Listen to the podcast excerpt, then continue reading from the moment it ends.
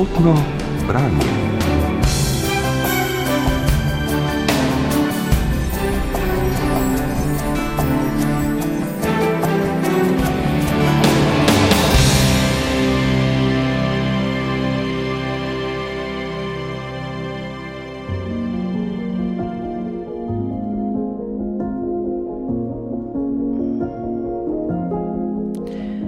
Dragi poslušalci in poslušalke, dobrodošli v oddaji Sobotno branje. Tokrat vam predstavljamo knjigo mladinske pisateljice Maše Ogrizek, Lisičja Luna, ki je šla pri založbi Miš z ilustracijami Tina Dobrajc, uredila pa jo je Tina Bilban. O knjigi sem se pogovarjala z avtorico Mašo Ogrizek.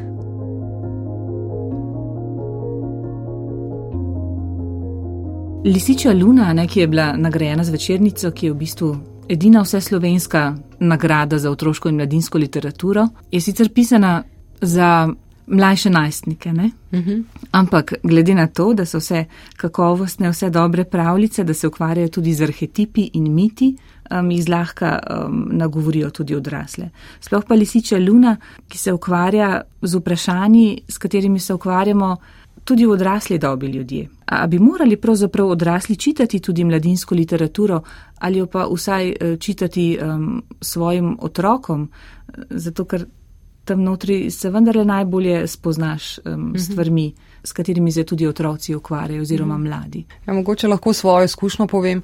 Um, jaz kot otrok nisem zelo rada brala in moj preskok v tako navdušeno branje, sem si zelo, zelo sem hlepela po odraslih knjigah, recimo romanih, psiholoških in tako, da sem bolj tam šesti razred kriminalke, potem pa te psihologija me je zanimala. Tako da sem jaz zares mladinsko literaturo odkrila kot mama. Ko sem brala svojima otrokoma, to je bil eden mojih najlepših ritualov. Mi smo čisto vsak večer brali po večuru posteli in jaz sem kot odrasla oseba spoznala Roala Dala, Tove Jenson um, in vrsto drugih pisateljev, ki jih imam zelo rada.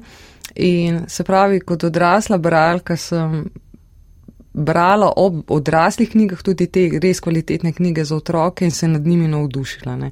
In mislim, da je prav stik s to najbolj vrhunsko otroško literaturo je v meni sploh prebudil pisateljca. No. Um, tako se mi zdi, da sigurno lahko nagovarja oboje.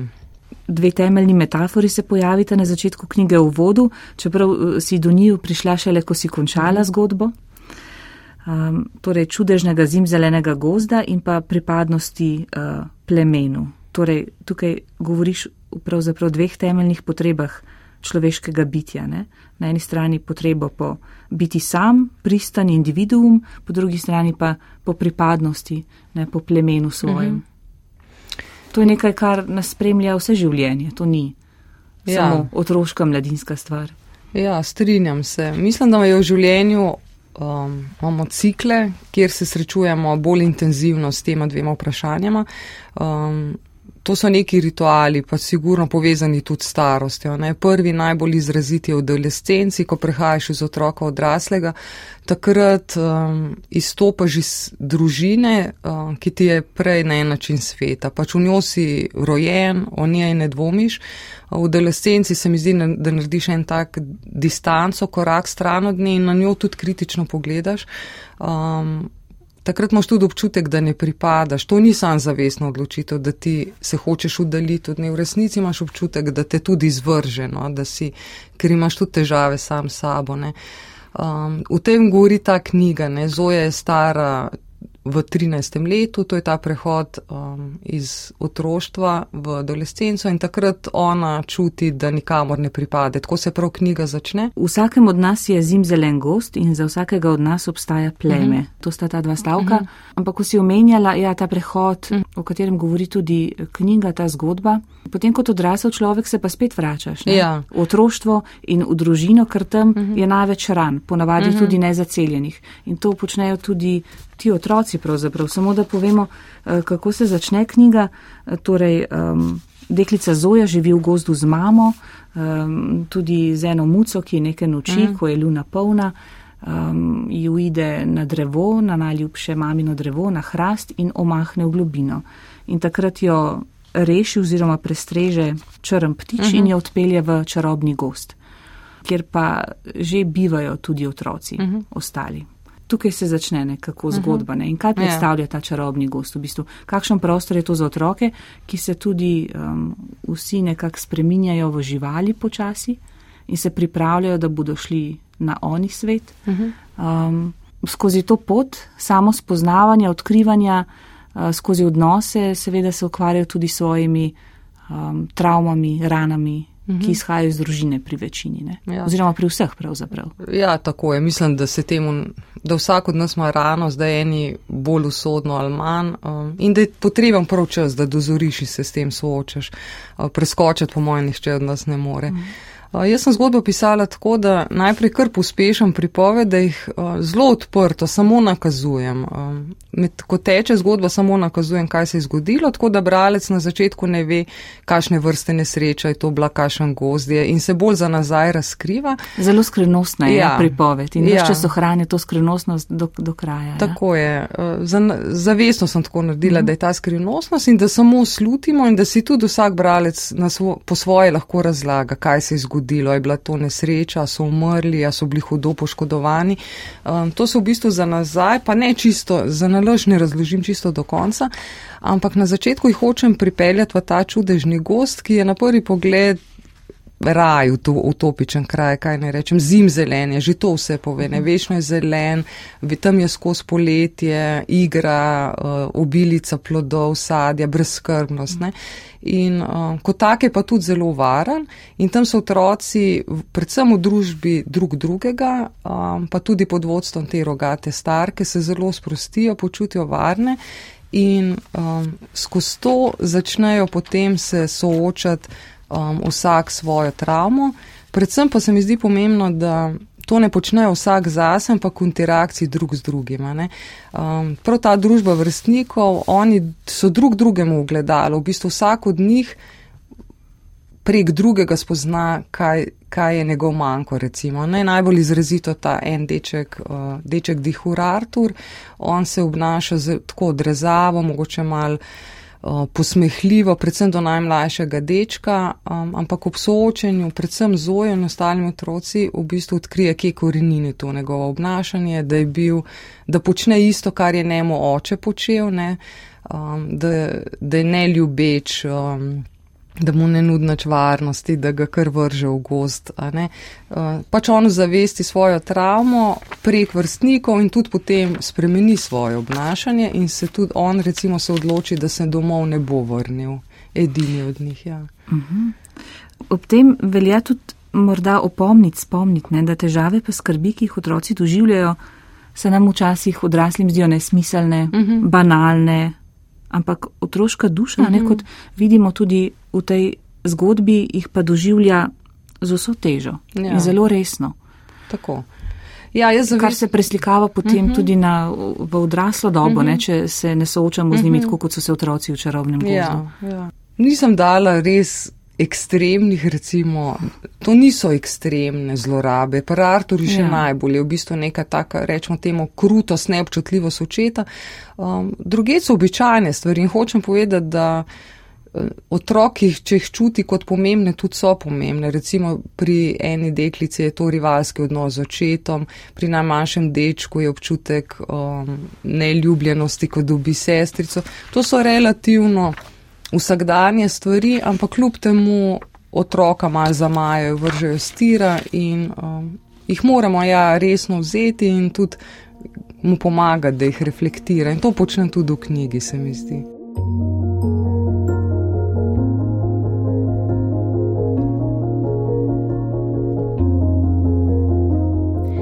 Imate kdaj občutek, da je vse vnaprej določeno, kot bi nekdo napisal knjigo našega življenja, še preden smo se rodili?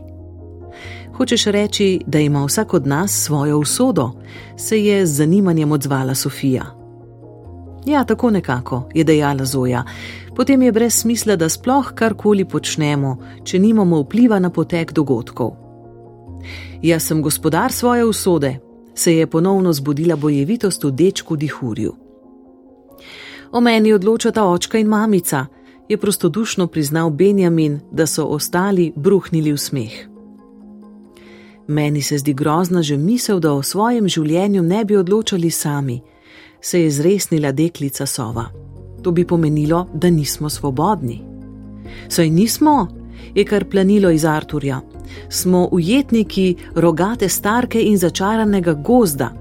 Kdaj bomo ponovno pobegnili? Hodeča riba je rekla, da se reka časa razklene ob polni luni. Se je bliskovito odzvala Zoja. Mislim, da je to najprimernejši čas za pobeg. Predlagam, da krenemo že ob naslednjem ščipu, saj bo sicer za medejo prepozno. Strinjam se, da ne smemo izgubljati časa, je neučakano pritrdil Artur. Torej moramo kreniti na pot čez natanko teden dni, je dejala Sofija, ki je skrbno spremljala lunine mene. Saj ste še vedno vsi za? je deklica lisica vprašala prijatelje. Seveda, so ji drug čez drugega odgovorili deček Dihur, deklica Sova in deček Zajec. Deklica Medvedka je molčala, a ostali tega niso opazili. Otroke živali sta vroče sonce in bistra voda to dobra izmučila, zato so zvečer prijetno utrujeni zlezli vsako svojo posteljo. Z izjemo Sofije. Deklici sovi ni in ni dal miru pogovor o usodi in svobodni volji. Spomnila se je svojih sanj, ko je bila še deklica. Sanjalo se ji je, da sploh ne živi za res, ampak le nastopa v sanjah velikana. In kaj bi se zgodilo, če bi se velikan nenadoma prebudil? Kam bi šla ona, bi se preprosto razblinila? Ta misel se ji je zdela strašna kot bi se ji zdelo strašno, če ne bi sama odločala o svojem življenju. Medtem ko je premlevala o teh zagonetnih vprašanjih, je kamenčke, ki jih je nabrala ob jezeru, postavljala drugega ob drugega. Nenadoma je nekdo prestavil kamenčke, da so se črte na njih sestavile v povsem drugačen vzorec. Sofija je dvignila pogled in zagledala ognjenega metulja. Vidiš, Tudi če imamo omejeno število elementov, jih lahko sestavimo na različne načine, je spodbudno dejal Metuli in s pišem, ki ga je ustvaril skrili, ponovno premešal vrstni red. Zato vam je ime brez konca, je bila navdušena Sofija in še sama začela prestavljati kamenčke. Ja, bistro dekle sova si, je prijazno dejal obiskovalec. Brez konca ni isto kot neskončno, morda je še boljše se je namuznil. Kako to mislite? Slutnja konca podari stvarem smisel. Bolj jih cenimo, če vemo, da se bodo iztekle, a obenem nam številne možnosti dajajo občutek svobode. Res je, je pomirjeno dejala Sofija. Vem, da imaš rada številke, je rekel ognjeni metulj in zarisal v zemljo števila 1, 2 in 3. Do 3 znaš šteti vsak otrok, a iz njih lahko sestavimo 123, 321, 213, 132.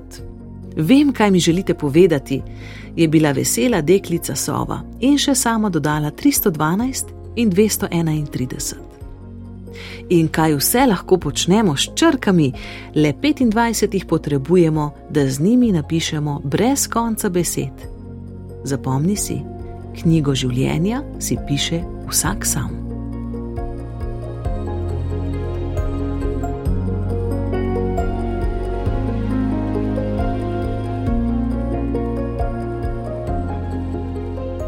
Kako reče ta rogata, da bi se pravilno odločili, kdaj drugim pokazati srce in kdaj zobe, moramo prisluhniti svoji resnici.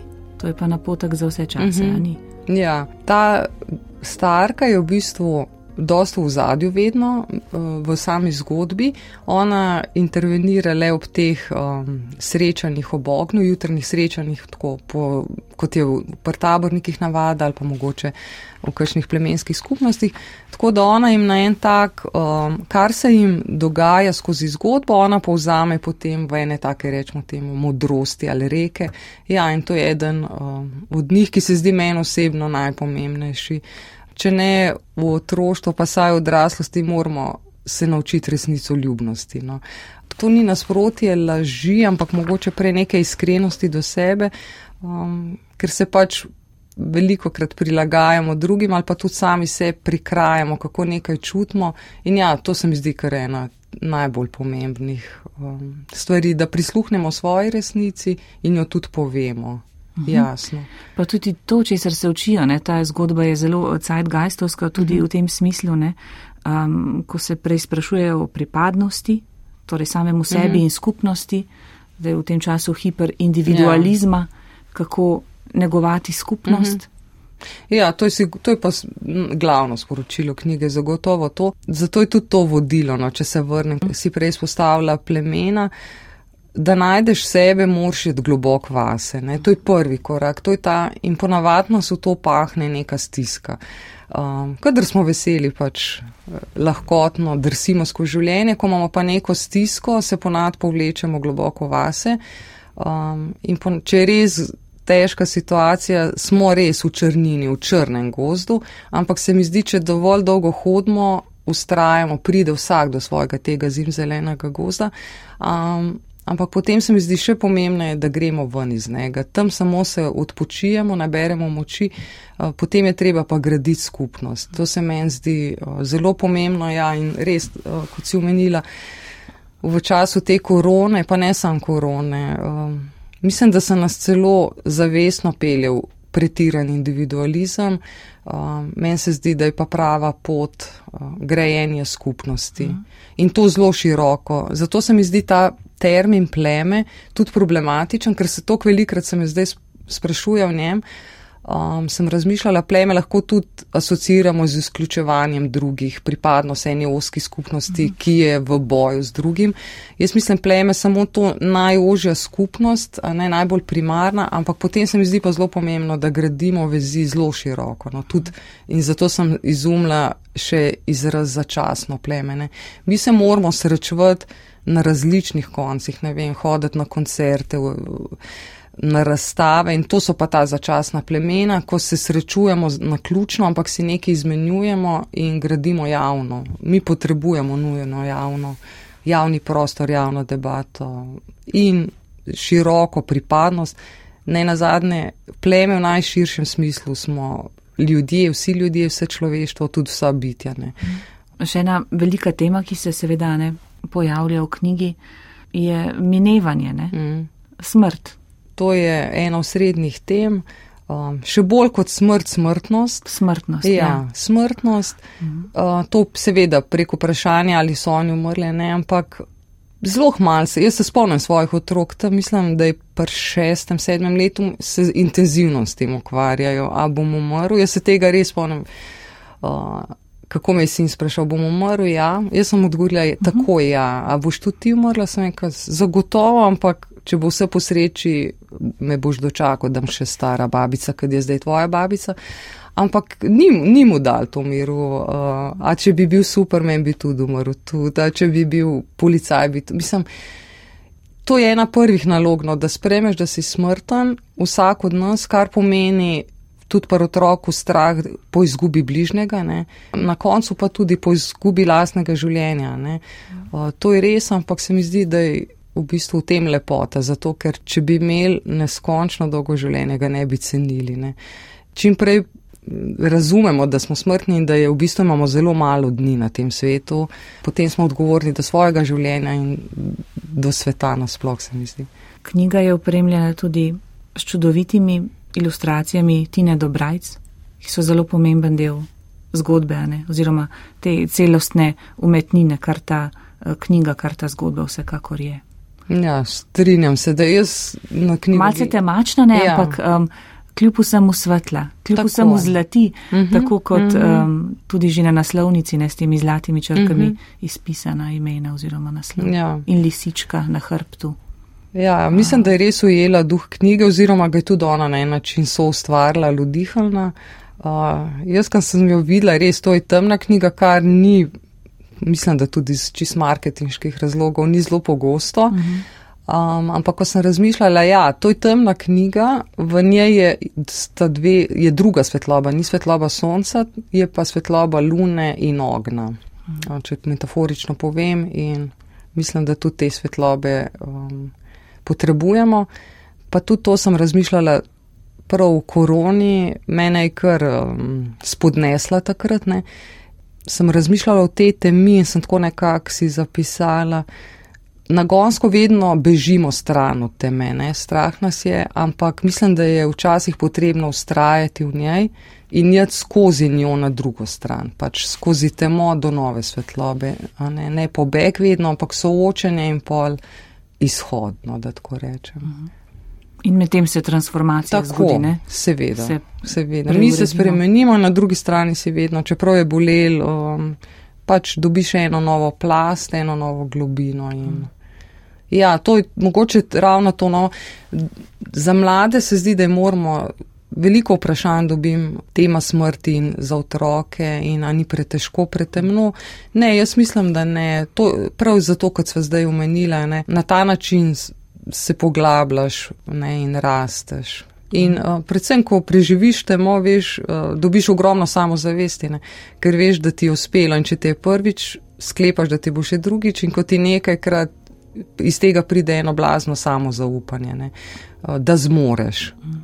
Ni, ni potrebno zaščititi ne samega sebe, ne otrok, predvsem ne reči slabim, predvsem bolečim, ne, ker skozi to je življenje, bolečina in radost, drugače otopiš, ja, kot da bi vzel ostrino v življenju. Mislim pa, da potrebujemo intenzivnost in ostrino v lepem in v bolečem.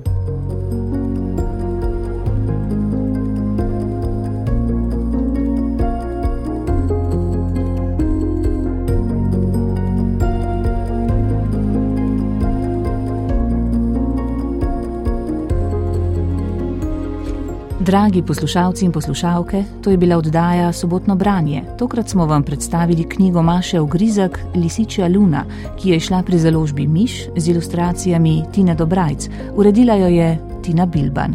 Glasbo je izbral Rudi Pančur, zato sta poskrbela Vladimir Jovanovič in Miha Klemenčič. Odlomek iz knjige je interpretirala Mateja Perpar. Oddajo sem pripravila Lijana Buršič.